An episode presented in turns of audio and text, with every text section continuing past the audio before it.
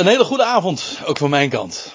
Dankjewel voor de intro, Ari. En uh, wij gaan verder met onze serie over het Johannes-evangelie, de 53ste studie. En we waren aangekomen inmiddels in hoofdstuk 17, een tamelijk beroemd hoofdstuk over wat meestal genoemd wordt het hoge priesterlijk gebed. Een term die in de Bijbel zelf niet aan dit gebed verleend wordt, maar denk ik wel heel goed recht doet aan wat, uh, aan, aan de inhoud. Nog eventjes, omdat ik zei, het is de tweede studie over dit hoofdstuk. En ook uh, meteen de laatste.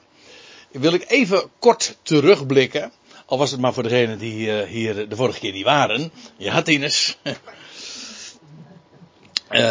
dat is dan toch wel even handig. Eventjes de setting voor de goede orde. Dit is een gebed dat Jezus uitspreekt nadat hij de opperzaal had verlaten en daar het laatste avondmaal had gevierd. En de gesprekken die hadden plaatsgevonden, die beschreven worden vanaf hoofdstuk 13, 14, 15, 16.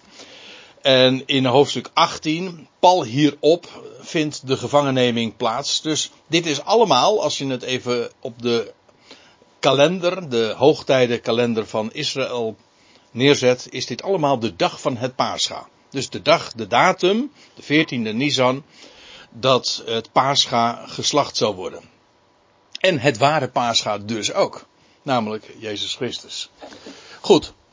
Uh, enkele highlights uit wat we de vorige keer hebben gezien. En ook aansluitend bij de term die doorgaans aan dit gebed gegeven wordt. En uh, meestal is het zo dat als ik zeg van men zegt uh, over dit, dan plaats ik de, de, tegenstelling, maar de Bijbel zegt dit. En uh, dit is een keer een uitzondering. Want ik, de term, als u het mij vraagt, hoge priestelijk gebed doet echt heel goed recht aan wat, aan de inhoud van dit gebed. Ga maar even na. De eerste.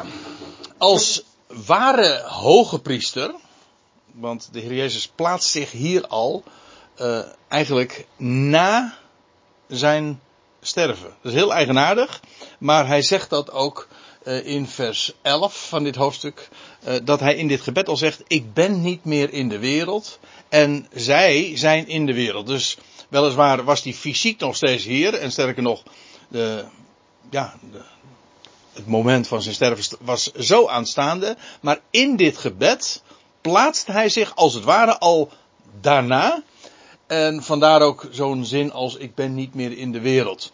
Maar als, uh, als de ware hoge priester spreekt hij als reeds in het heiligdom. U weet het, een hoge priester die ging uh, bij gelegenheid, ja, één keer per jaar in het heilige der heiligen, maar hij kwam in feite dagelijks ook in het heiligdom. En dan droeg hij uh, dat hoge priesterlijk gewaad en dan droeg hij die, zijn volk, het volk Israël, in die twaalf edelstenen, zowel op zijn schouders als ook op zijn borst, op zijn hart. En in feite daarmee ook de schouders als een uitbeelding van, van zijn kracht.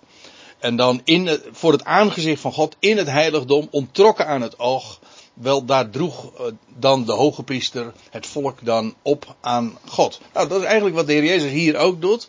Als het ware al in het heiligdom, uh, draagt hij de zijnen uh, en behartigt hij de belangen van zijn volk. Hij bidt ook voor hen. Het is met name ook voor hen dat hij zich inzet en dat hij zegt heilig hen, bewaar hen. Nou, we komen daar straks nog wel op terug.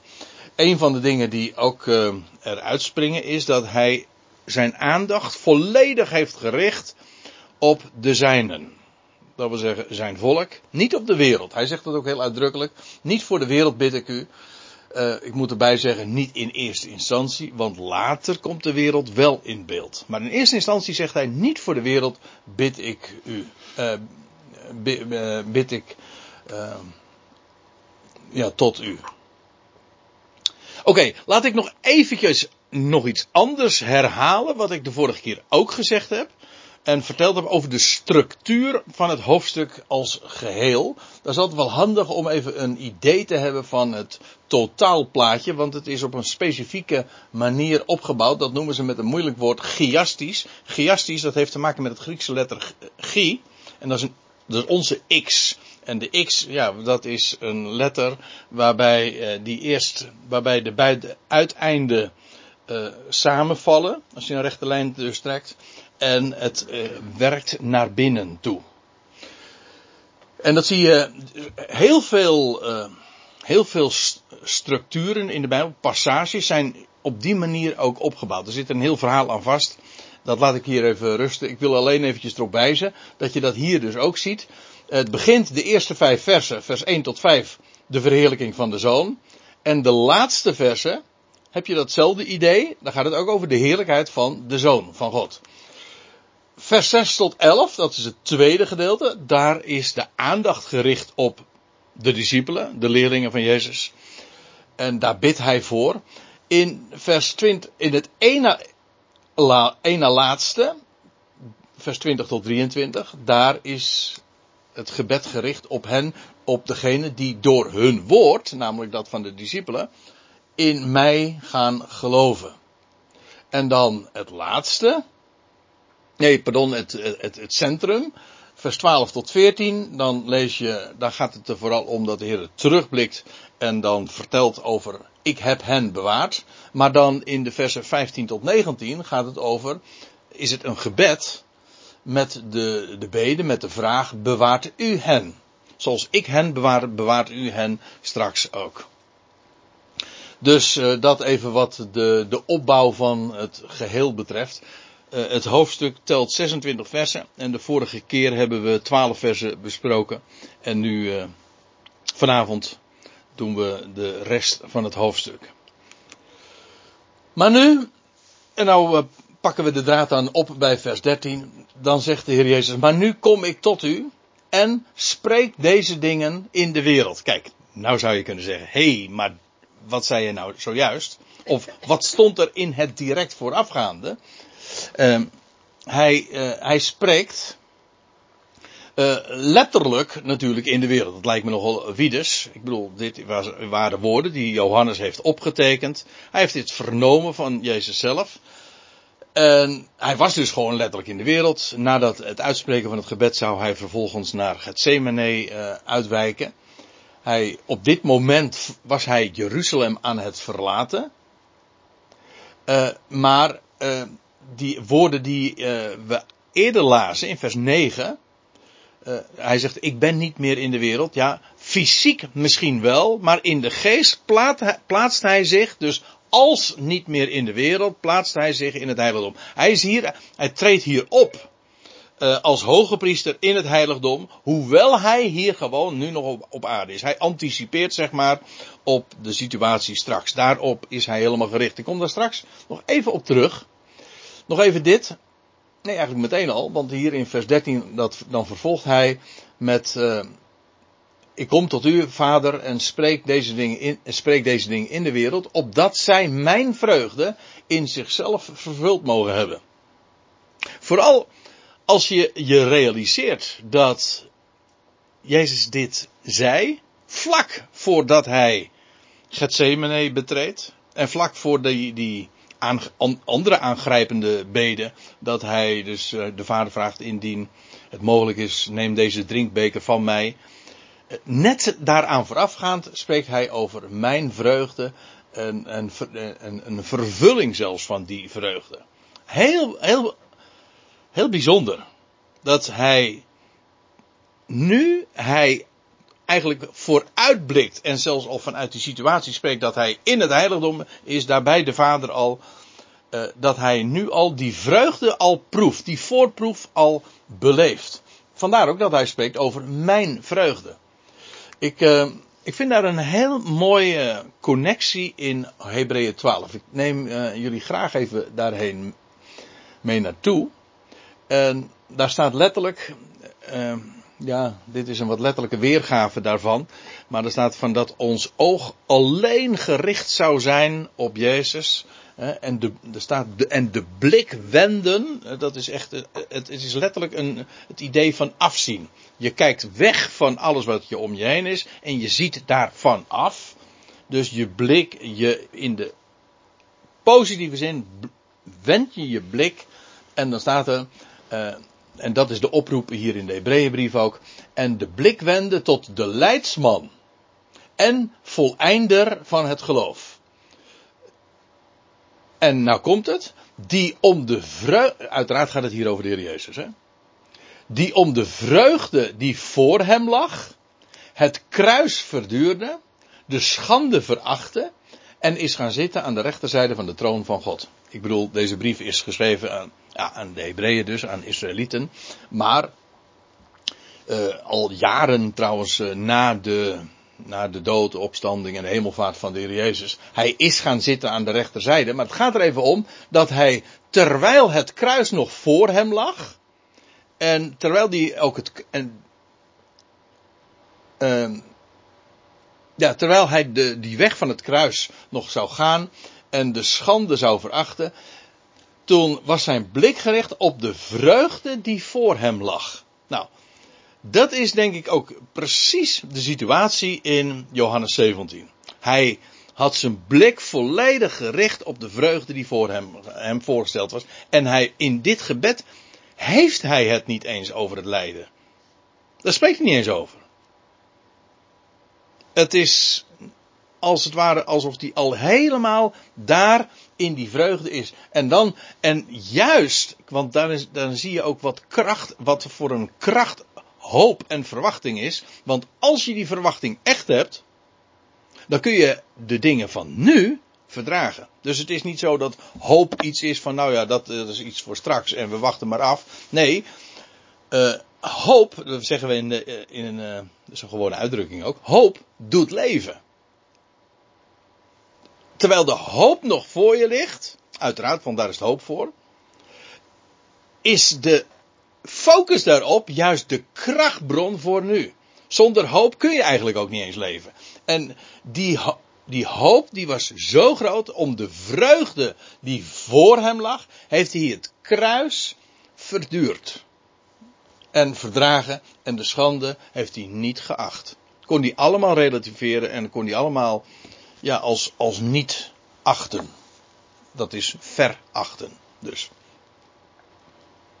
En die vreugde, wel daarover spreekt hij ook in Johannes 17, opdat zij mijn vreugde in zichzelf vervuld mogen hebben. Het eigenlijk het idee is dat zoals de Heer Jezus zelf in die vreugde uh, leefde en daarop gericht was, dat de zijnen, voor wie hij nu bidt, de, zijn eigen leerlingen die eromheen stonden, dat zij diezelfde vreugde ook ten volle zouden beleven.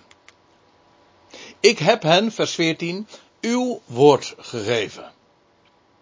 Inmiddels was daar een hele periode van 3,5 jaar gepasseerd vanaf het moment dat hij gedoopt werd in de Jordaan en de discipelen had uitgezocht en met hen ook uh, opgewandeld had en opgetrokken was, uh, opgetrokken had uh, gedurende die jaren, heeft hij zoveel onderwijs gegeven.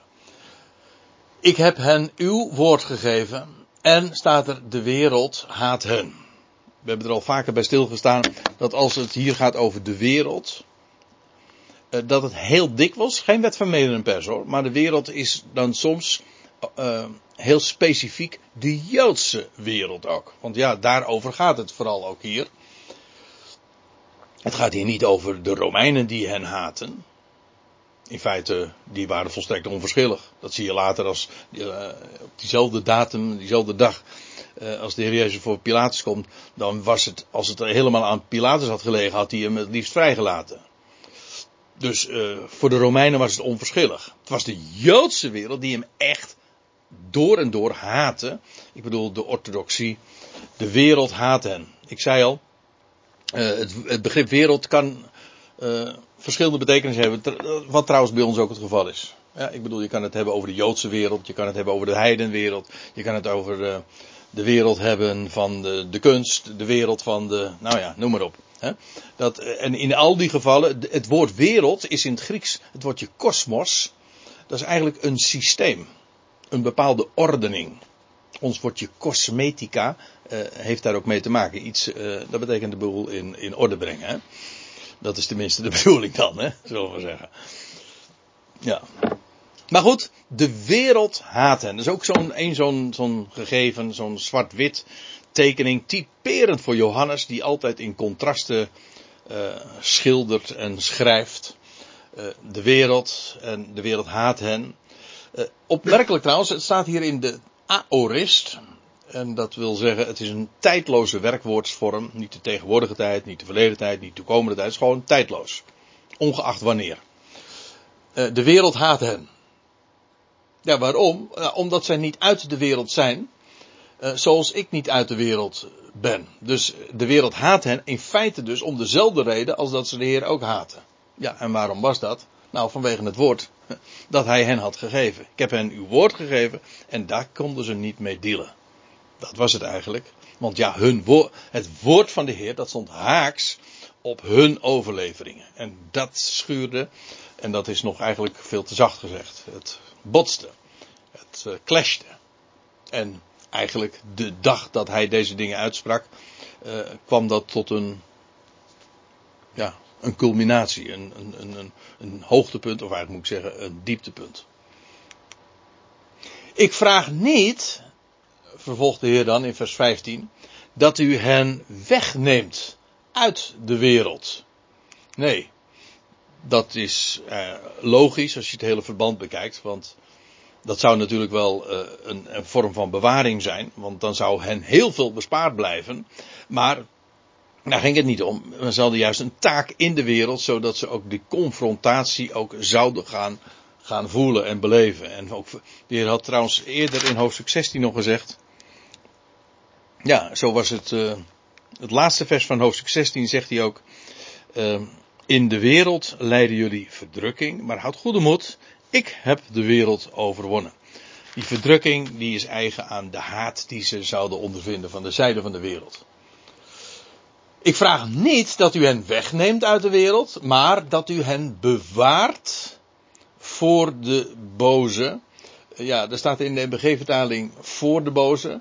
Maar kijk eens in het Grieks, daar staat er letterlijk uit of vanuit. Ek. Dat is een voorzetsel, dat betekent gewoon uit uit.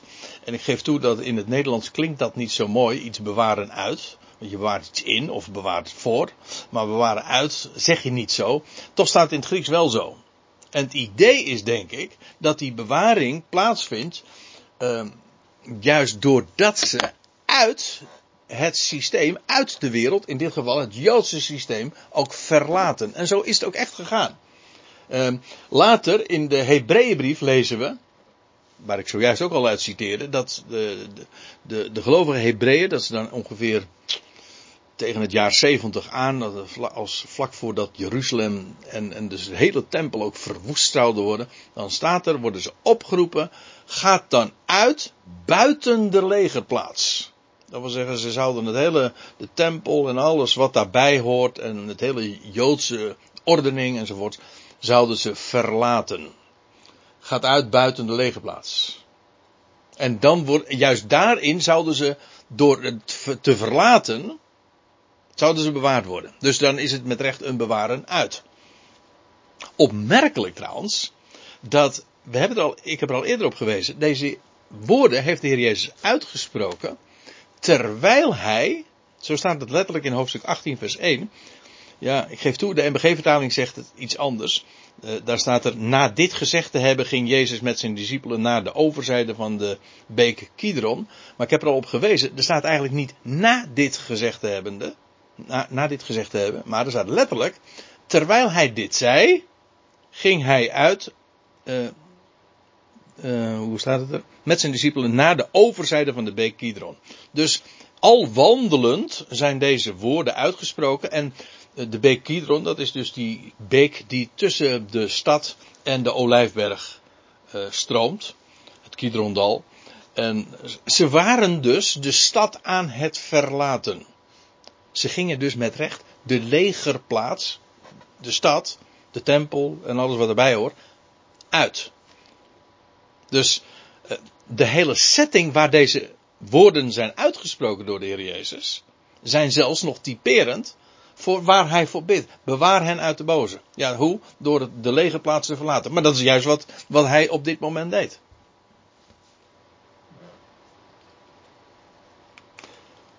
Zij zijn niet uit de wereld. Of Uh, heel andere vertalingen zeggen, ik geloof de Statenvertaling ook, zij zijn niet van de wereld. Ook hier staat letterlijk uit de wereld. Ook weer dat voorzetsel ek. Uh, dat betekent gewoon, ze maken geen deel uit van, van die wereld. Ze zijn daar geen onderdeel van. Zoals ik ook niet uit, zoals ik niet uit de wereld ben. Dus ja, waar ook uh, om dezelfde reden. Ook weer vanwege dat woord. Trouwens, dat is dan vers 17. Johannes 17, vers 17. Makkelijker onthouden. Daar staat: Heilig hen. Dat is de bede eigenlijk die de Heer hier uitspreekt. Nog steeds, ik herhaal eh, wat ik al even kort aangaf. De Heer is hier nog steeds in gebed voor de zijnen. Voor degenen die hier bij hem waren. Dus zijn leerlingen. De latere apostelen. De kring wordt pas in vers 20 wijder. Maar hier is het nog steeds uitsluitend dat hij bidt voor hen. Met wie hij al die jaren was opgetrokken. En nou zegt hij, heilig hen in de waarheid. Dat is de, het gebed. En als je dan die woorden heel letterlijk neemt, want alleen zo kun je die woorden ook begrijpen natuurlijk. heiligen wil zeggen apart stellen. Je zet iets apart voor. Het is niet zozeer dat je iets afzondert van, dat is nog negatief. Maar je afzondert het af voor. Je apart stellen met het oog op. Dus in feite dus positief. En hier zie je dat ook. Heilig hen, stel hen apart. Ja, hoe? In de waarheid. Is trouwens de wijze waarop heiliging ook plaatsvindt. Want juist door op de waarheid te gaan staan. Nee, kijk, het begint met de waarheid vernemen. Vervolgens uh, komt die waarheid in het hart. Dat wil zeggen, het kwartje valt, je begrijpt, je weet dat het de waarheid is, je bent overtuigd, maar dat heeft consequenties. En dat betekent dat je uh, een aparteling wordt. Want je weet andere dingen dan men weet of die willen dat niet weten. En dat, die, dat proces van de waarheid vernemen, dat is al een heiliging, want daardoor kom je ja, dat is ook weer zo typisch Johannes. Hè? Dan kom je in het licht. Ja, en dat betekent dus dat je uh, niks meer met de duisternis hebt. Of uh, de wereld die daar niks van moet hebben, die het woord niet accepteert. Ja, daar kom je dus buiten te staan. Dat, het een werkt het ander uit. Het, die dingen verdragen elkaar niet. Heilig hen in de waarheid. Dat is dus ook precies uh, de sfeer waarin die heiliging plaatsvindt. De waarheid. Gewoon. En de waarheid is dat wat, uh, wat vaststaat. waarvan je weet, het, wat niet ontkend kan worden. Dat is eigenlijk de, wat de waarheid is. En dan vervolgens uw woord is niet de waarheid. Dat, dat mag wel zo zijn, maar er staat letterlijk uw woord is waarheid. Wat is kenmerk van dat woord? Wel, het is waar en waarachtig. En bij alles wat er in de wereld eh, gaande is en wat bewegelijk is en meegeeft en wat doet dat niet, is er iets waar je altijd van op aan kan en dat is dat wat God gesproken heeft. Uw woord is waarheid. En zo, daarin worden we geheiligd. Dat is ook niet. Het is trouwens ook mooi dat hier staat. Uh, heilig hen in de waarheid. Dat wil zeggen, God is dat is een, een werk dat God zelf verricht. Dat doe je zelf niet. Nee, dat doet Hij aan jou. Of aan ons. Of in dit geval aan de discipelen. En dat doet Hij in het woord dat waarheid is. En dat proces vindt plaats door de, de kracht van dat woord. Dus je hoort het woord en dat doet, is altijd, doet al zijn werk. Het woord is namelijk levend, het is krachtig, het is effectief en scherper dan enig tweesnijdend zwaard. Toch? Vers 18. Zoals u mij gezonden hebt, maar letterlijk zoals u mij afvaardigde in de wereld. Hier staat uh, dat woordje, wat, waar ons woordje apostel ook van afgeleid is. Een afgevaardigde. Uh, zoals u, zegt de Heer Jezus nu, Zoals u mij afvaardigde in de wereld, zo vaardig ook ik hen af in de wereld. Dus nu gaat er een herhaling plaatsvinden, alleen met dat verschil. God zond Christus en nu is het vervolgens, hij verlaat de wereld. In zekere zin had hij de wereld al verlaten, maar hij zegt, nu uh, vaardig ik hen ook af. En nou even een andere vraag. Nou, en, want, nou komen we op een aantal versen die uh, heel dikwijls worden aangehaald, ook in, de, in, de, in het algemeen, in de christelijke wereld. En naar mijn vaste overtuiging altijd verkeerd worden opgevat. Dus uh, dan gaat het toch nog spannend worden. Namelijk uh, over welk, uh, over welke afvaardiging heeft hij het? De heer Jezus was afgevaardigd door God in de wereld, ja. Maar met welke opdracht? Tot wie was hij gezonden? Dat is datzelfde woord. Tot wie was hij gezonden?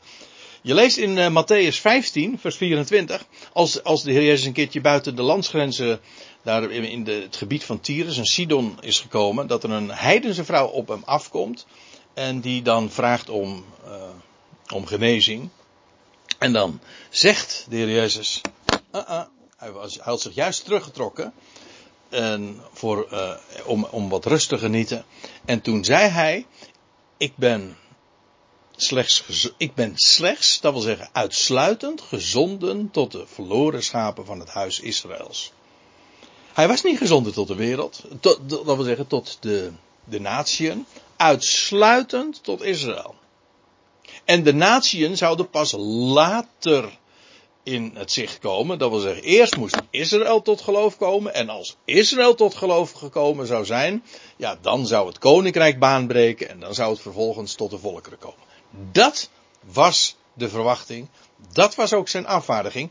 En uh, je leest ook trouwens in uh, Matthäus 10, als heer Jezus uh, de zijne er ook de, de, leerlingen erop uitstuurt, dan zegt hij: Gaat niet op de weg van de Samaritaan of naar de natieën.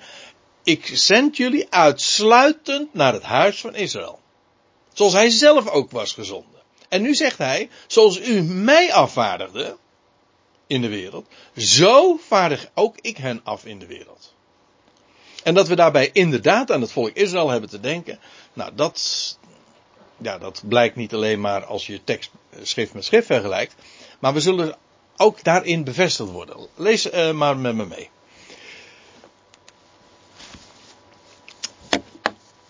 En hij zegt in vers 19, en ten behoeve van hen, of voor hen, letterlijk ja, ten behoeve van hen, heilig ik mijzelf. Ook hier weer, heiligen is dus uh, apart stellen, maar dat doet hij zelfs heel fysiek. Want uh, hij, uh, hij, gaat, hij gaat het heiligdom in. Hij verlaat de lege plaats, letterlijk en figuurlijk. En hij zou inderdaad het heiligdom ingaan. En ik bedoel nu het hemelsheiligdom. Dus hij, hij, stelt zich, hij stelt zich echt apart. Dat wil zeggen, hij gaat de wereld verlaten en hij gaat naar de Vader toe. Nou, dat is echt een vorm van heiliging. In de meest fysieke zin van het woord zelfs. Hij, stelt, hij zet zich apart. En dat doet hij voor hen. Zie je trouwens ook hier hoe hier een hoge priester eigenlijk aan het spreken is? Want hij draagt de zijne op aan bij God. Ja, ook bij God, want hij zegt: Ik kom tot u, vader. En hij behartigt volledig de belangen als een middelaar uh, zijn volk.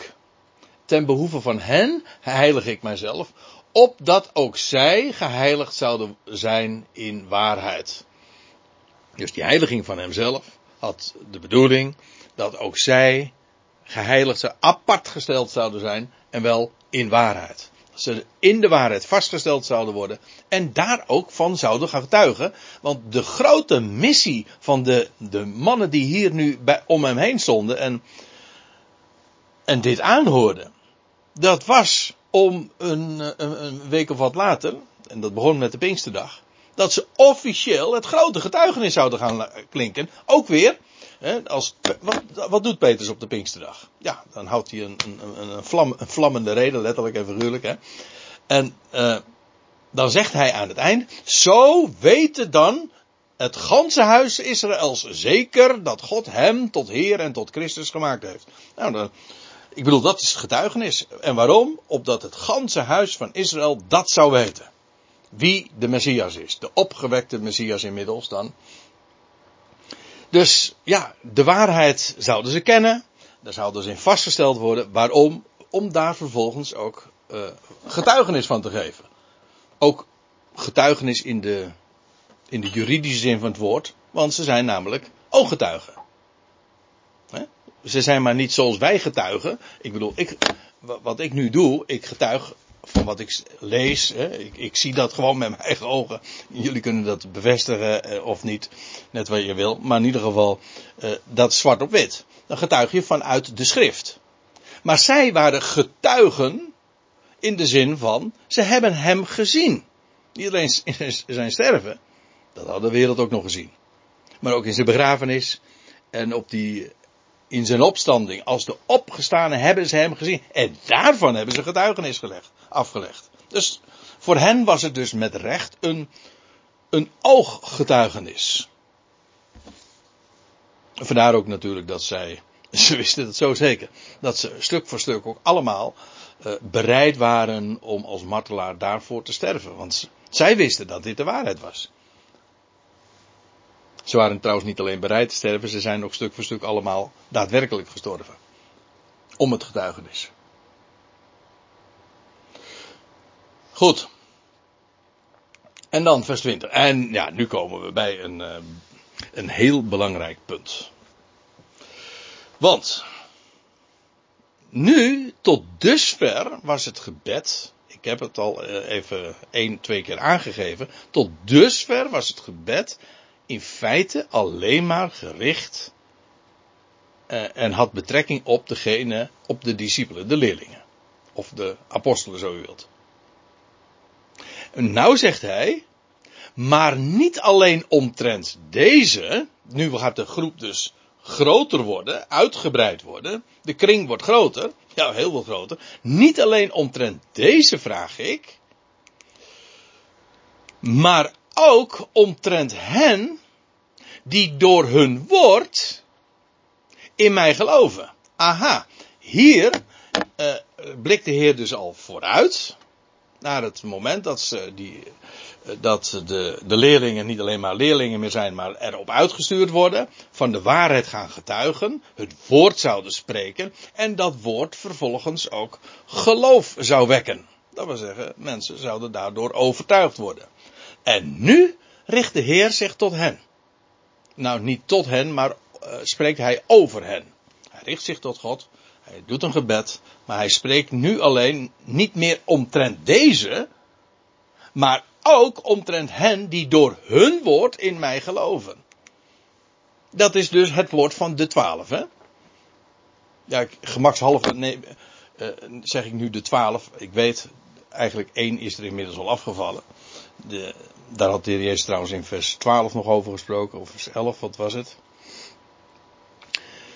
Uh, Judas dus.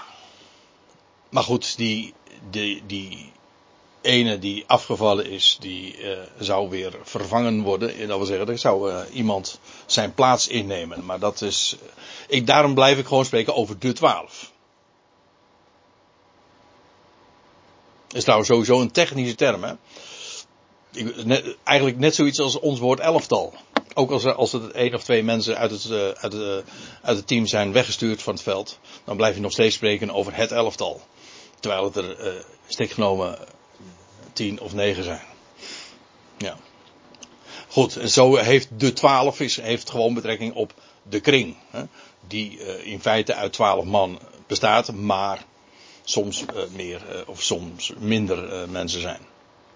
Goed. Let op. We hadden het dus over de discipelen, de twaalf. En zij zouden hun woord gaan spreken. En voor wie was dat bestemd?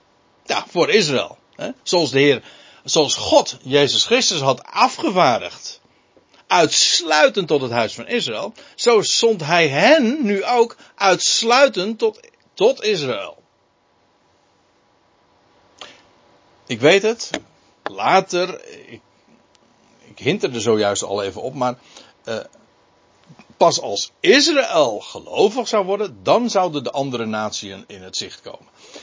Let er even op, de eerste jaren, nou de eerste tien jaar, kwam het niet in het uh, brein op van de apostelen om naar de natie toe te gaan. Het duurde jaren. Het duurde uh, dat Petrus bij Cornelius kwam. Dus eigenlijk was dat een vreemdeling in de poorten, want het was een godvrezende man. En dus die, hij werd min of meer nog gerekend tot het volk ook. Hij woonde gewoon zelfs nog in het land. Nou, het gaf toch heel wat voeten in de aarde voor de heer uh, Petrus al duidelijk gemaakt dat hij naar die man moest toegaan. Het, kwam gewoon niet bij hem op. Het huis van Israël, dat moest bereikt worden. Wij denken meteen, ik, wij, ik bedoel, uh, dat is een beetje de christelijke mindset van, nou ja, en toen na, uh, na, de opstanding van Jezus, toen werden ze erop uitgestuurd en dan gingen ze de wijde wereld in. Nee, helemaal niet. Ze zouden beginnen in Israël, in Jeruzalem, Judea en Samaria. En pas dan, als daar het woord gevallen zou zijn, ja, dan zou het naar de uiterste der aarde gaan.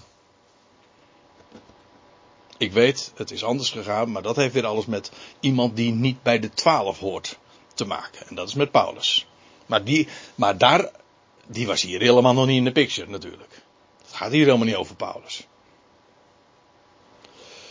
Niet alleen omtrent deze vraag ik, maar ook omtrent hen die door hun woord, namelijk dat van de twaalf, in mij geloven. De twaalf werden gezonden tot, ja, het huis van Israël. Alleen al de twaalf, de term de twaalf, verwijst al naar Israël.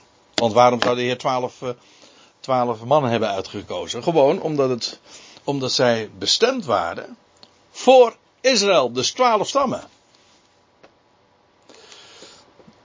En dan staat er, opdat zij allen één zouden zijn. Dus ik lees even nog een keer de zin. Vers 20. Maar niet alleen omtrent deze vraag ik, maar ook omtrent hen.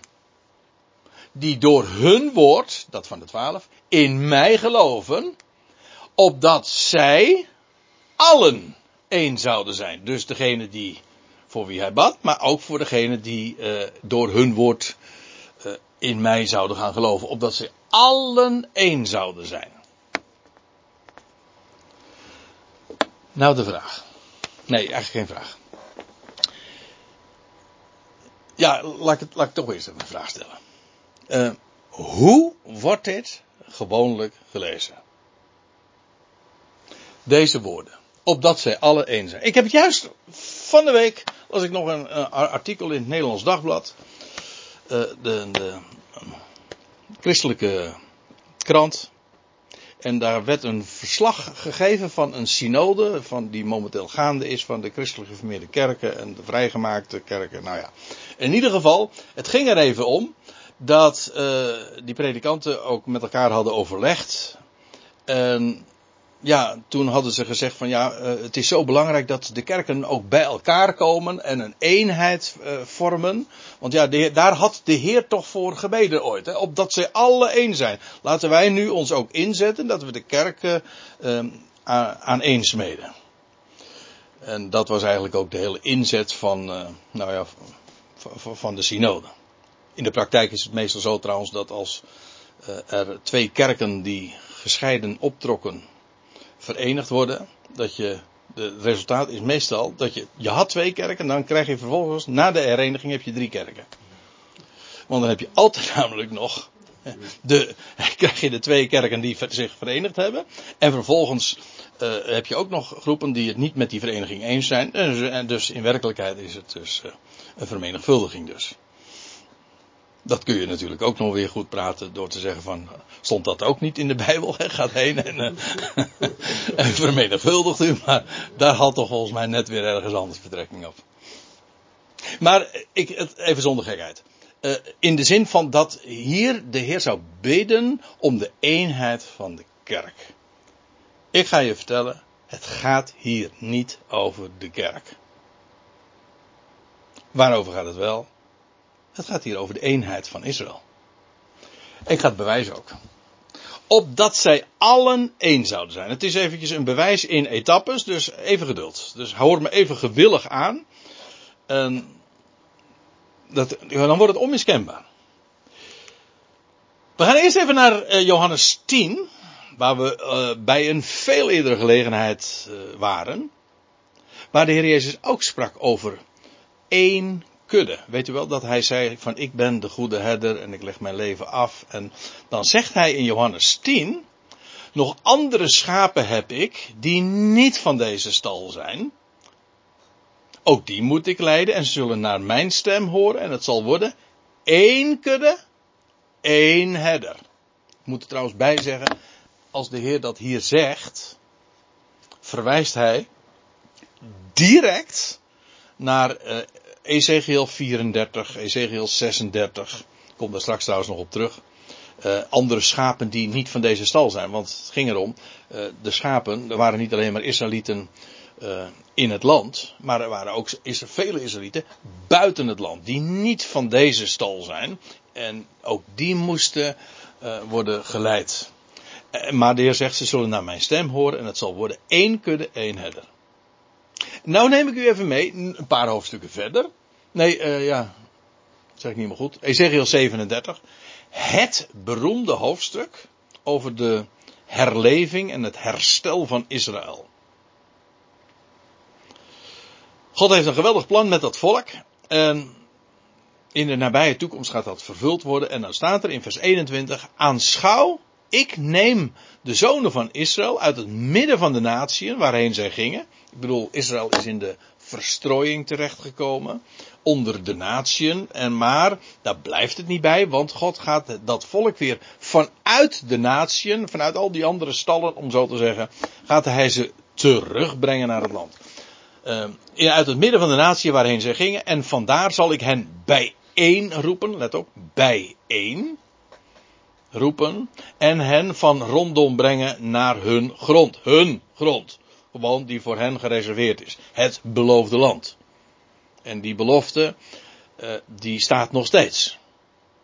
Wat God ooit aan Abraham beloofd heeft, en dat land, het volk, dat, die belofte, die, uh, die verdwijnt niet. Die valt niet zo van, nou, nu uh, ga ik het op een andere boeg, over een andere boeg gooien of zo. Nee, hij zijn beloften zijn ja en amen. En he, hij zal hen bijeenbrengen en van rondom brengen naar hun grond. En dan staat er vervolgens, en ik maak hen, de zonen van Israël, tot één natie in het land.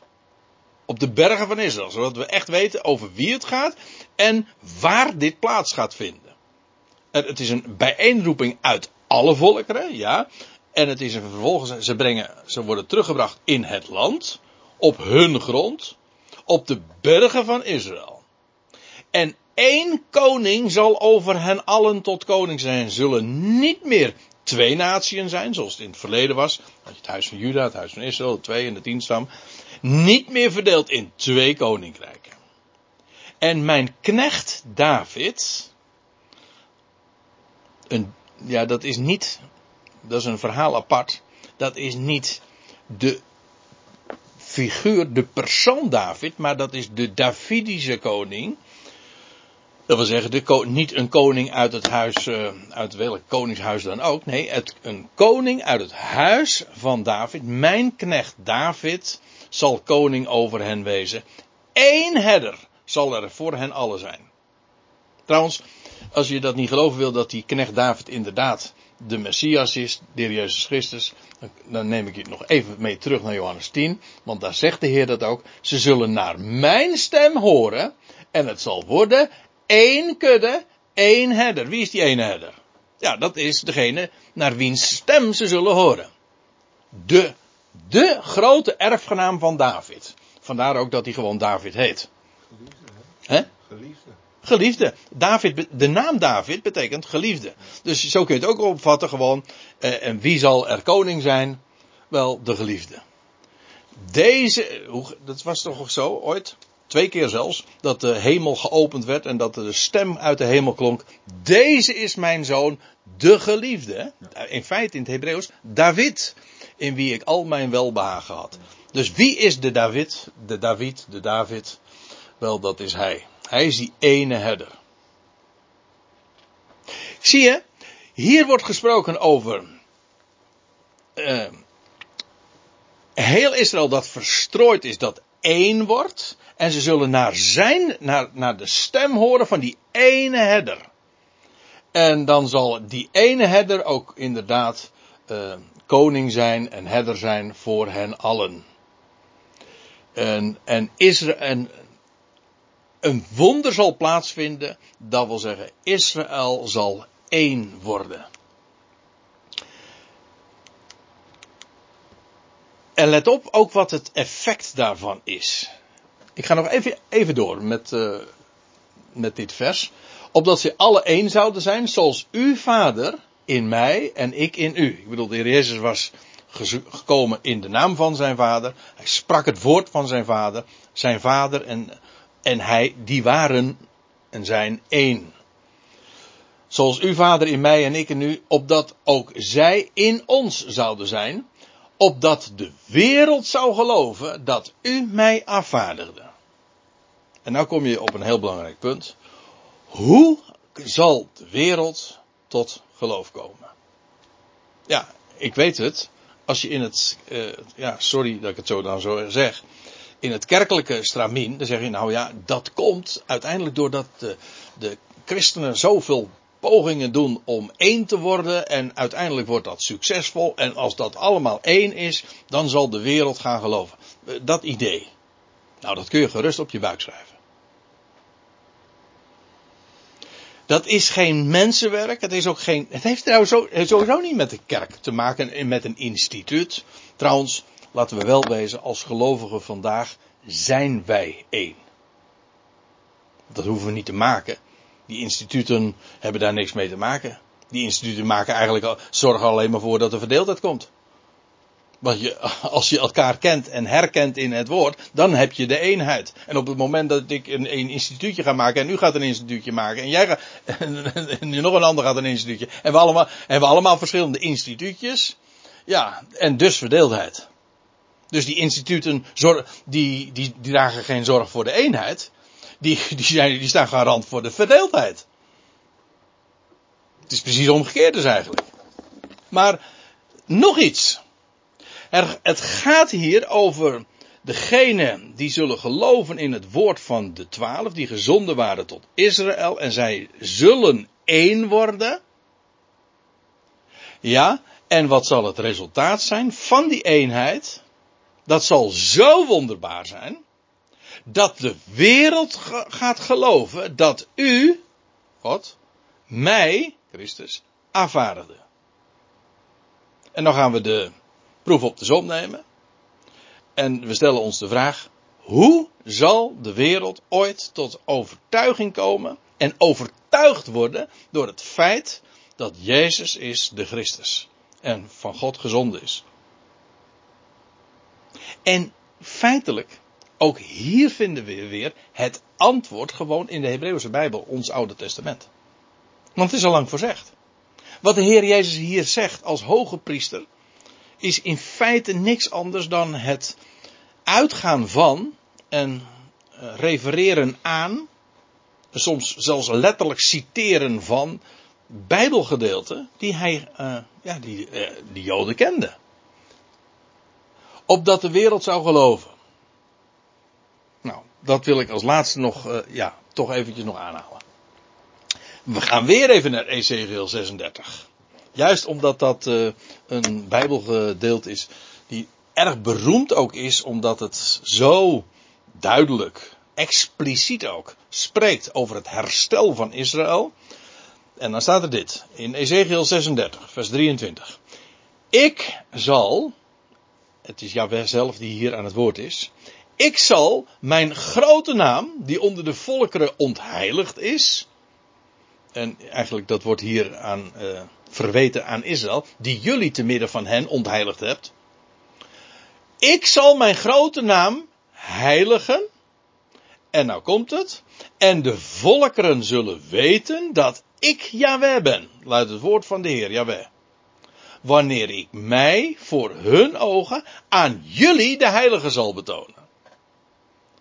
Hoe zullen de volkeren weten dat de Heer Yahweh is?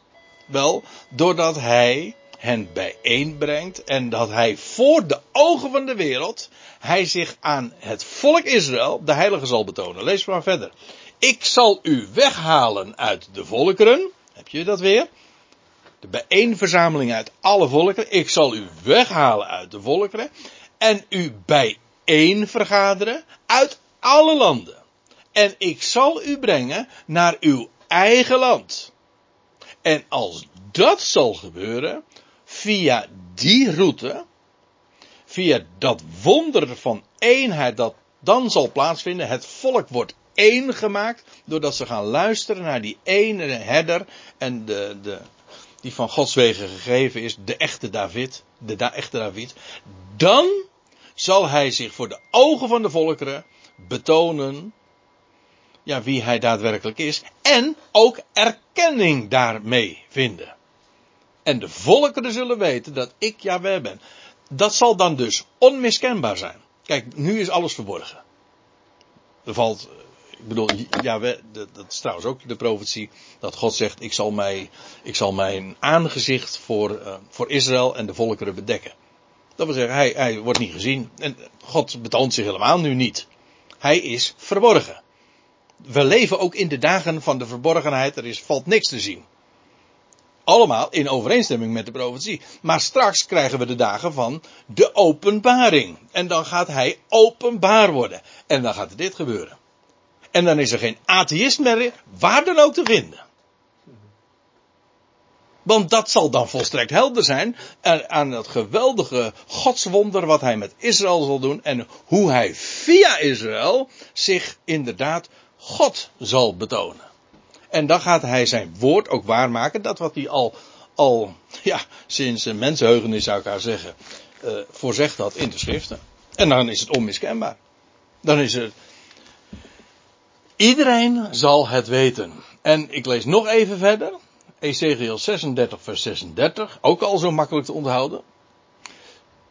Dan zullen de volkeren die om u heen overgebleven zijn. Want dat, ja, dat moet ik er ook nog bij zeggen. Dat is natuurlijk nog weer een verhaal apart. Want als deze dingen gaan gebeuren, dan zal, er een, eh, dan zal de wereldbevolking ook decimeren hoor. Want er zullen er velen omkomen. Dat is ook in die zin een, een, een gruwelijke tijd. Er zal enorme zuivering plaatsvinden. Maar in ieder geval, dan zullen de volkeren die om u heen overgebleven zijn, weten dat ik Jawel, de Heere, herbouwd heb wat vernield was, want hij gaat het hele, het hele land van Israël zal weer zal verwoest worden. Maar ook, uh, God gaat het dan, uh, nou ja, dat is een heel verhaal. Uh, in Den Haag, of nee, in Rotterdam zijn we daar met, met een uitgebreid met een Bijbelstudie bezig. Dat is onwijs boeiend. Wat, wat God al, al, of zoveel eeuwen tevoren daarover het zijne heeft gezegd. Maar dan zal het weer het, het, het, verwoeste land herbouwd worden weten dat ik, Jaweh, herbouwd heb wat vernield was en beplant heb wat verwoest was. Ik, Jaweh, heb het gesproken. En wie zou het dan doen? En ik zal het doen.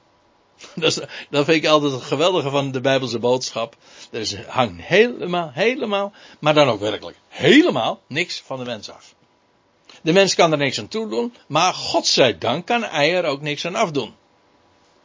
Want de Heer, als God zegt, ik doe dat, nou dan is Hij beloofd, maar belofte maakt schuld. Dan moet Hij natuurlijk doen ook. Dat doet hij ook.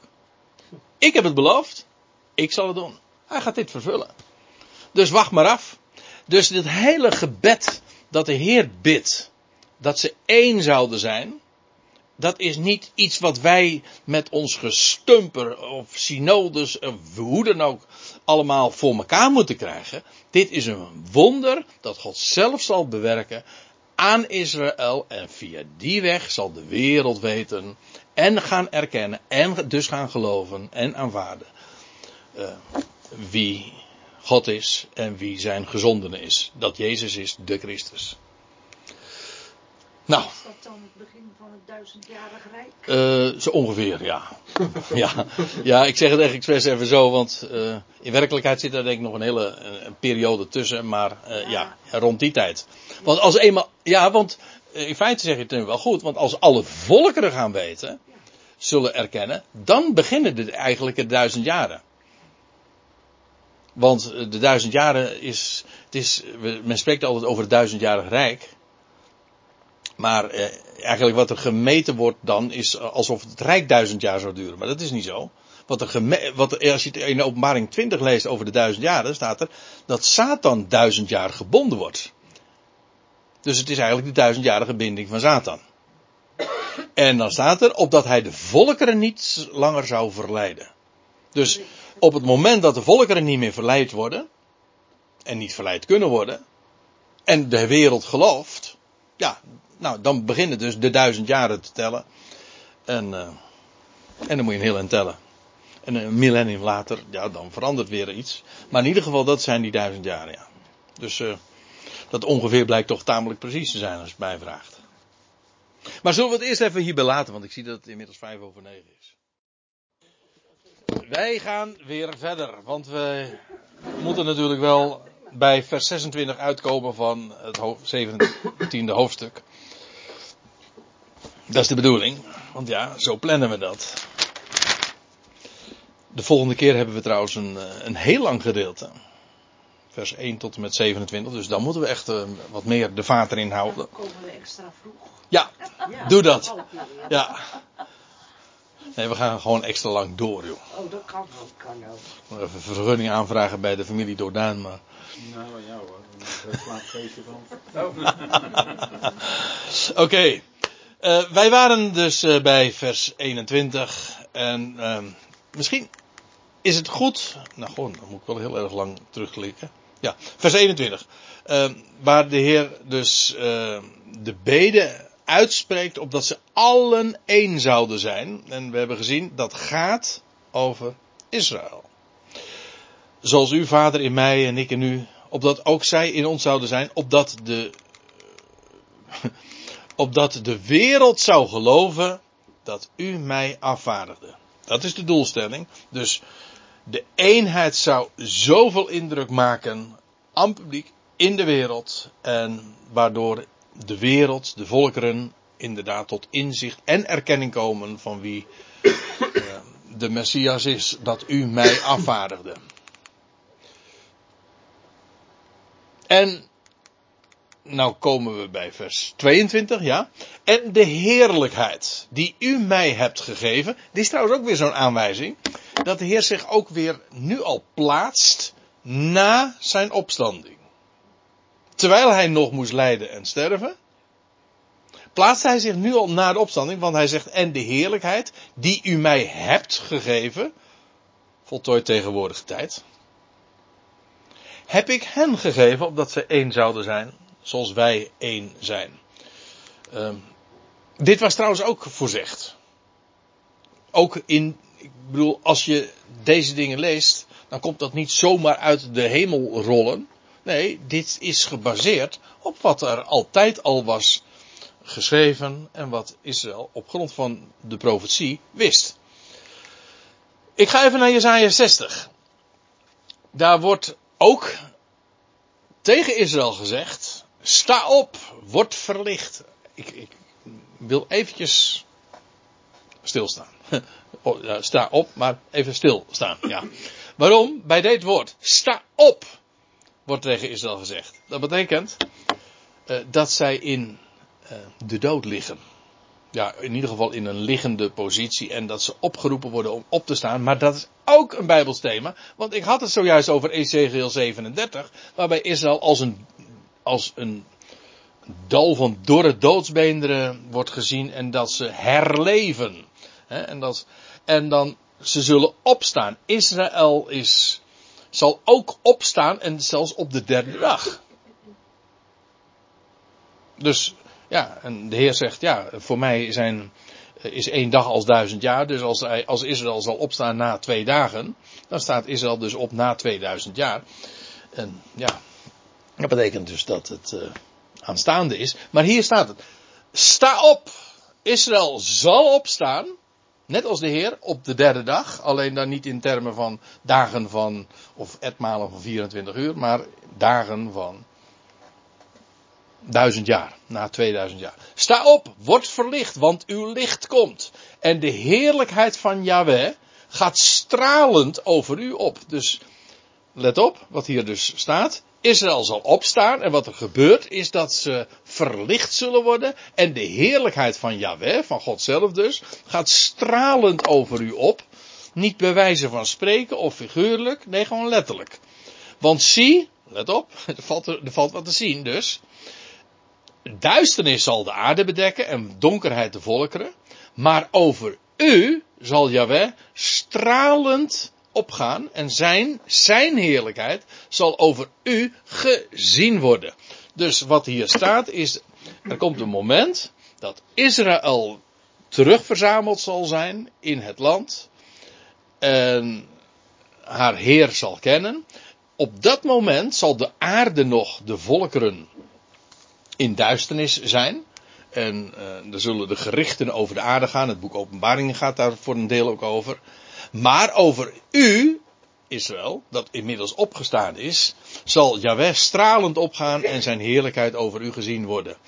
En dan, wat je dan krijgt, is dat ook de natieën in de picture komen. Natieën zullen opgaan naar uw licht en koningen naar uw stralende opgang. Dus dat, dat wonder van wat er over Israël plaatsvindt, ja, dat gaat de aandacht trekken en dan vervolgens zal dat gezien worden en de natieën zullen opgaan naar uw licht.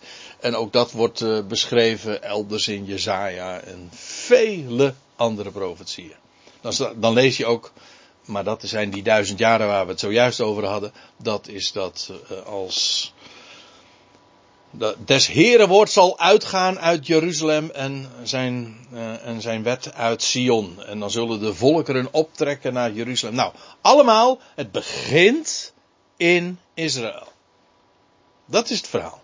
Begint in Israël. En dan vervolgens, als Israël gelovig geworden zal zijn en ook tot eenheid in het land gemaakt zal zijn, dat zal de wereld tot erkenning brengen. In feite zie je dat hier ook. De Heer, en dus als er staat, en de heerlijkheid die u mij hebt gegeven, heb ik hen gegeven. Die hen, dat zijn hier degenen die door hun woord tot, tot geloof zouden komen. Dus het gaat over degenen die zouden dus geloven in de stem en die één zouden worden en opdat ze één zouden zijn. Wacht hoor. Ik in hen en u in mij opdat zij volmaakt tot één gemaakt zijn. Dat wil zeggen, zo, zo volmaakt één als God is in zijn zoon. En hij volledig het, de uitbeelding is van wat God is en wie hij is en wat hij beoogt. Zo zal ook uh, ik in hen zijn. Dat wil zeggen, zij uh, geloven mij, zij zijn geheiligd, zij worden bewaard en uh, via hen zal de heerlijkheid gezien worden. Opdat zij volmaakt tot één gemaakt zijn. Zie je dat dit ook geen menselijk gestumper is? Dit is, dit is geen mensenwerk. Dit is gewoon wat God bewerkt. In een mens raak je altijd teleurgesteld. Alles wat wij moeten doen, nou geheid, je kunt er vergif op innemen, het gaat altijd fout. Het geweldige van het evangelie is, God verwacht helemaal niks, ik doe het. Geloof dat nou maar. Geloof het nou maar. En daar staat daarop. En dan moet je eens kijken wat er gebeurt. En zo gaat het ook. En opdat zij volmaakt tot één gemaakt zijn. En dat is dus wat er met Israël gebeurt. Op, en nou krijg je een herhaling ervan. Opdat zij volmaakt tot één gemaakt zijn. En dan, vers 23, de B. Opdat de wereld zou weten dat u mij afvaardigde of gezonden hebt. En ik en u hen lief hebt zoals u mij lief hebt.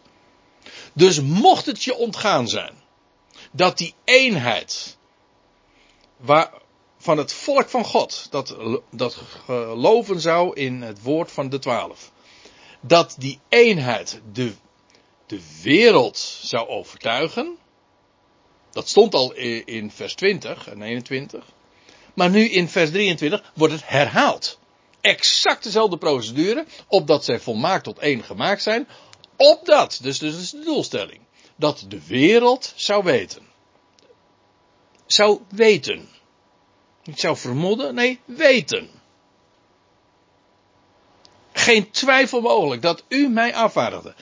Nou, die situatie gaan we dus uh, gaan we beleven. Het duurt nog even, maar we zitten aan het einde van de twee dagen, dus de derde dag komt. En dan gaat Israël opstaan en dan zal de heerlijkheid over hen gezien worden.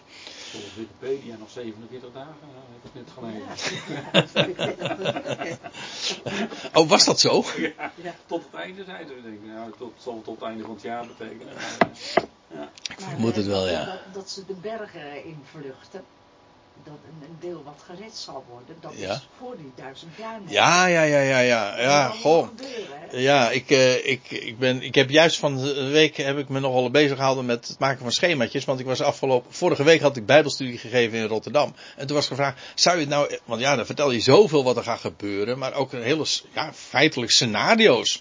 Van uh, eerst dit en dan dat en dan daar. En dat sommige mensen zeggen, eh, wacht even, nou wil ik wel eens eventjes een schema, eventjes, kun je dat niet eventjes uittekenen? En dat had ik wel eens gedaan, maar ik ben het nu allemaal aan het verzamelen en uh, nog wat. Uh... Dus ik zou nu op jouw vraag ook eventjes een schemaatje willen tonen, maar dan kan ik niet zo even tevoorschijn toveren. Ik zou, het wordt te uitgebreid als ik dat nu ook, wat jij nu zegt over die vlucht naar de bergen, als de afgodsbeeld in Jeruzalem geplaatst zal worden, joh, dat is, het is buitengewoon boeiend. Ja, het is, uh, ja, ik kan ook zeggen. Oké, okay, oké. Okay. Ik kan natuurlijk ook zeggen gewoon van uh, goedbericht.nl. Maar goed. Ja. Ik heb een heleboel uh, heb ik, uh, geluisterd. Over openbaringen. Ja, ja, zeker. Daar staat het allemaal op. Maar ik vind altijd een beetje, ik vind altijd een beetje sneu om te zeggen van ja, dan moet je gewoon even op de website wezen. Want... Nee, maar ik heb wel ja. Oké. Okay. Uh, ook hier dus volmaakt tot één. Opdat de wereld zou weten. En dit is dus iets, ik herhaal, niet wat de mens vervult, nee, wat God vervult. En dit is de bede van de Heer zelf. En dacht je nou werkelijk dat iets wat de Heer bidt, dat, dat zijn vader dat niet zou vervullen? Nee, dit gaat hij vervullen. Dit doet hij ook. Vast en zeker. En uh, hij heeft het gesproken. En hij gaat het doen ook. Ja, laten we dat vooral vasthouden. Opdat de wereld zou weten dat u mij afvaardigde. En u hen lief hebt. Hier gaat het speciaal over Israël ook, hè? Zoals u mij lief hebt. Ook hier, we hadden het net even over de liefde van bruidegom en bruid. Maar die bruid, dat is natuurlijk ook weer uh, Israël, hè? Dat is niet de kerk, nee. Is... Israël is de bruid. Ja, dit is ook wel eventjes boeiend. Want eerst had de Heer nog gezegd, niet voor de wereld bid ik u. Dan zou je zeggen van, hoezo, eh, is de wereld dan niet in de picture? Of zo, is dat niet, dan niet zijn wereld? Jawel, maar alles op zijn tijd. Dus eerst Israël, want dat is daarna de, eh, de wereld. Het is, Israël is uitgekozen als het kanaal waardoor de wereld bereikt wordt. Israël is uitverkoren. En dan heb je weer natuurlijk zo'n klassieke misverstand uh, van ja, God kiest uit. En dat betekent dat de rest dus allemaal verloren is. Nee, het is precies omgekeerd. God kiest uit om de anderen te bereiken. En dat is een compleet ander verhaal. Israël wordt uitgekozen opdat, hoe, hoe, hoe was het gezegd tegen Abraham? Opdat ik door jou en jouw zaad, jouw nageslacht, alle volkeren van de aarde zou zegenen. Dat is uitverkiezing. Dus uitverkiezing wil zeggen, je krijgt een bijzondere taak om de rest te bereiken. Want God, ja, die heeft de hele wereld en elk mens uiteindelijk uh, op het oog. Maar er zijn rangen en standen en er is volgorde en ieder in zijn eigen rangorde. En uh, ik had er afgelopen zondag met uh, Dirk nog over. Die een heel verhaal over de natuur had opgehangen. Uh, en het, ik, je ziet het in de natuur ook zo. Gewoon alles heeft zo zijn plaats. Hè? En dan, ja, nou ja, zoals als hij erover gaat, gaat beginnen, dan. Je krijgt dan eerst heb je de, hoe was het ook alweer? De, de krokussen en dan krijg je later de narcissen en dan krijg je, nou ja, alles. En, en het gaat allemaal zo ontluiken. Maar niet allemaal tegelijk. Nee, ieder in zijn eigen rangorde. En dat is in de schepping ook zo. Eerst dit en dan dat. En onze Heer Hij is de eersteling. Hij is de eersteling die uit de doden opstond. Eens voor altijd. Hij is de eersteling. En vervolgens krijg je allerlei groepen van eerstelingen. Maar uiteindelijk de grote oogst, waarin niets en niemand ontbreekt, die komt absoluut. Vader, ik ga verder in vers 24 van, uh, van dit gebed. Vader, wat u aan mij hebt gegeven, ik wil, let even op, ik wil, dat, dat klinkt heel dwingend hè. Zeg, zo mag je toch niet uh, bidden tot God. Ik wil. Jawel. Want de Heer Jezus wist toen hij dit sprak. Dat wat hij nu uit ging eh, spreken. Dat dat volledig conform Gods wil was. Hij wist. Wat ik nu zeg, dat is Gods eigen wil. Dat, hoe wist hij dat? Wel, hij had het gelezen. Ik wil dat waar ik ook, waar ik ook ben, niet waar ik ben, maar waar ik ook ben. Dat is een subtiel verschilletje. Dus uh, waar ik ook uh, heen ga, of waar ik ook ben, ook zij zijn, zouden zijn met mij. En ik weet het. Natuurlijk kun je deze woorden ook zomaar op ons van toepassing brengen. En Paulus doet dat ook, hè, van dat wij, als de bezuin zal klinken, dat we de Heer tegemoet zullen gaan in de lucht en dan zullen we altijd zijn bij Hem. Ja. Maar dat is niet waar het hier over gaat. Hier gaat, je moet eigenlijk Paulus hier nog even helemaal wegdenken. Dat is een verborgenheid die later Paulus onthult. Dat is hier nog niet aan de orde. Hier gaat het, uh, dat de Heer uh, spreekt over Eerst dat kleine groepje, de twaalf apostelen. Vervolgens degene die door hun woord zouden geloven, namelijk het volk van Israël. Ik wil dat waar ik, waar ik ook ben, ook zij, dat is dat gelovige Israël, waar zij zouden, uh, ook zij zouden zijn met mij. Want ja, ook dat is uh, wat er stond en staat geschreven. Uh, dan zal de Heer als een herder zijn te midden van zijn kudde. En hij zal koning, hij zal de, de Davidische koning zijn, die zal regeren in Jeruzalem. Ja. En ik zeg niet dat hij daar, daar altijd uh, op die plek is. Ik bedoel, onze koning regeert ook in Den Haag, maar meestal zit hij daar niet. En hij zit zelden op de troon en hij heeft zelden een kroon op. Maar niettemin, dat is zijn positie, daar gaat het om. En dat is de Heer, de Heer straks ook. Hij is koning straks in Jeruzalem. Daar is, dat is zijn domicilie, zijn plaats. Van daaruit regeert hij, op tenminste op aardsniveau. En daar zal hij uh, zijn. En daar zullen zij ook zijn. Ik bedoel, dat gelovig Israël in het land. Rondom de troon. Ik wil dat waar ik ook ben, ook zij zouden zijn met mij. Nou, de Heer kan dat zo haast tussen aanhalingstekens dwingend zeggen. Omdat hij wist, ja, ik haal nu gewoon aan wat, wat mijn vader ooit al in zijn woord had verklaard via de, bij monden van de profeten.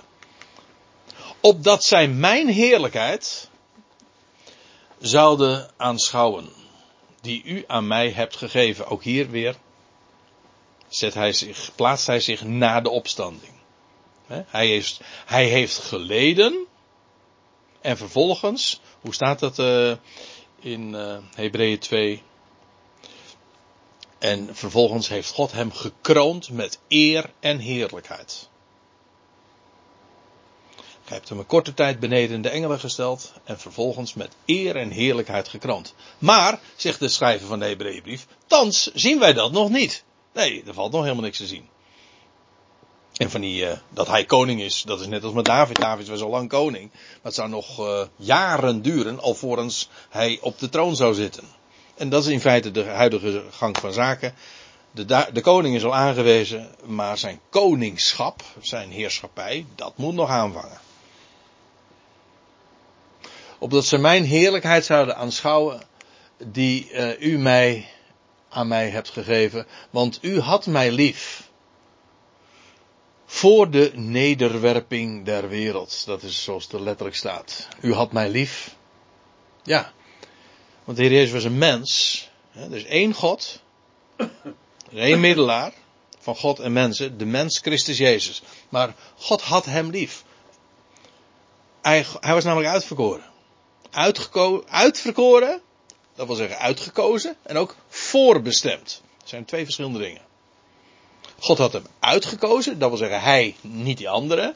En vervolgens voorbestemd, gepredestineerd. Hè? Dus een bestemming gegeven tevoren. Dat gaat het worden. Zo ga je zijn, dat ga je doen. En God had hem lief. Ja, vanwege dat wat hij via hem zou gaan vervullen. Voor de nederwerping der wereld. Nou, laten we daar maar, uh, maar niet te veel uh, diep op ingaan wat dat is. Hè? Want dat is een heel verhaal apart. Ik. Uh, kan je misschien een, een tipje van de sluier oplichten? Ja, een tipje van de sluier kan ik oplichten. Maar ik weet nu al dat ik meer vragen ga oproepen dan dat ik nu ga beantwoorden. dus, ik zeg, de, dus, misschien heb je dat nooit gehoord.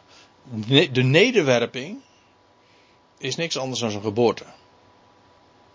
Uh, je vindt bijvoorbeeld uh, in Hebreeën 11, oh ik had de tekst er even bij moeten uh, vermelden. Ik meen dat Hebreeën 11 vers oh, je was erop voorbereid. 8 of eens hè?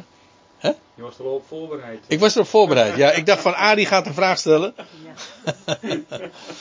en nee, je leest bijvoorbeeld, ja, is, zo zeggen wij dat niet, maar je leest van Sarah, dat staat er in onze vertaling, Sarah werd moeder. Maar letterlijk staat er dat zij kracht gekregen tot nederwerping van zaad. We herkennen het nog een klein beetje, want wij gebruiken de uitdrukking eigenlijk alleen maar in verband met de dierenwereld. een dier werpt. Maar wij zeggen dat van een mens niet. Een, vrouw werpt geen kind. Maar dat is een kwestie van spraakgebruik, want waarom zou een dier dat wel doen dan? Nou, soms gaat het ook inderdaad letterlijk werpen, maar, uh, maar het betekent, uh, dat is, mijn, dat is de wijze zoals ik het versta. Meestal wordt het, of het wordt heel vaak negatief uitgelegd, alsof het een verwoesting van de wereld zou zijn. Ik denk niet dat dat de gedachte is. Het is gewoon de geboorte van de wereld. Dat is zoals ik het versta. Maar ik ga het niet uh, toelichten. Ik ga het helemaal niet be proberen te bewijzen. Maar uh, de grondlegging der wereld. Ja, dat komt aardig uh, in de buurt, denk ik. Maar het is niet zoals de Afijn, in ieder geval, voordat de wereld geboren was, had God zijn zoon, die nog zou moeten komen, lief. Want uitverkoren en voorbestemd. Vader, zegt hij, rechtvaardige, of rechtvaardige vader, ook de wereld kende u niet. Dat is eigenlijk, uh, ja, zo is het altijd gegaan. Zo stond het al meteen in Johannes 1 vers, wat was het? Ja, hij was in de wereld en de wereld is door hem geworden en de wereld heeft hem niet gekend. Ja. Afwijzend ten opzichte van God. De wereld kende u niet, maar hij zegt, maar ik ken u en deze, en nou deze, dat is, dat is een typische term waarbij je moet wijzen. Deze, niet die, maar deze weten dat u mij afvaardigde. Dat geeft trouwens al aan dat hij degene uh, over wie het had, uh, die stonden daaromheen. Zijn discipelen, zijn leerlingen. Deze weten dat u mij afvaardigde. En ik maakte uw naam aan hen bekend. En ik zal hem ook bekend maken. Dat wil zeggen in steeds wijdere kringen. Nou ja, waar ik het al over had. Straks aan Israël, aan heel Israël. En later ook de hele wereld. En sterker nog, uiteindelijk aan elk mensenkind, aan ieder creatuur. Niemand ontkomt. Dus ja, dat, het is net als met, ik vergelijk het heel graag met een steen die in de vijver gooit. Het begint met een, die, die, die steen die in het water komt en dan vervolgens ontstaan er steeds grotere kringen omheen. Nou, dat is in feite de gang van zaken. Nu is het nog maar een klein kringetje eromheen. Een enkeling die eigenlijk van hem weet. Er komt een steeds grotere groep, steeds grotere kring. Ik zal hem bekendmaken, opdat de liefde waarmee u mij lief hebt, aurist, tijdloos, gewoon, dat is een feit, onder hen zou zijn. En ik onder hen en ik in hen. Of onder hen. Dat wil zeggen, Gods liefde voor zijn zoon, die zou zo verspreid worden onder hen en uiteindelijk zelfs de hele wereld bereiken. En dat is de bede die de Heer uitspreekt hier in uh, Johannes 17. En ook het einde van het gebed. Zodat je trouwens ook ziet, ik, ik gaf al in die structuur aan het begin even aan van hoe het begon met de heerlijkheid van de zoon. Het eindigt ook weer met de heerlijkheid van de zoon. En dan vervolgens is zijn onderwerp degene die om hem heen staan. En dan vervolgens degene die door hun woord in mij zouden geloven. En hoe uiteindelijk, doordat zij één worden, doordat het volk één wordt, de hele wereld bereikt wordt. Dus het is een, een stapsgewijs uh, verhaal. Het is iets wat zich in fases voltrekt. Maar de doelstelling is, uh, is duidelijk. Het gaat over de liefde van God. En die liefde die vervuld wordt en onder hen zou zijn. En daarmee zijn wij aan het einde van deze bespreking gekomen. De volgende keer, ik zei het al, dat is, zal 12 december zijn. Deo Volente, uiteraard. Want ik kan wel zeggen, ik wil dat. Maar dat weet ik niet of dat uh, ook zijn wil is. In ieder geval, het is wel onze planning. En dat is uh, Jezus gevangenneming. Ik heb het trouwens weer even helemaal herzien, de, de planning. Ja, dat, heb, dat zie jij niet zo in één oogopslag, uh, Therese. Maar ik heb het zodanig herzien dat we 28 mei aan het einde van Johannes Evangelie gekomen zijn. Dus uh, ik, ik, verplicht mij om uh, er een beetje vaart in te houden. Ja. Ik heb haast, ja. Want er is nog zoveel te vertellen. Ja.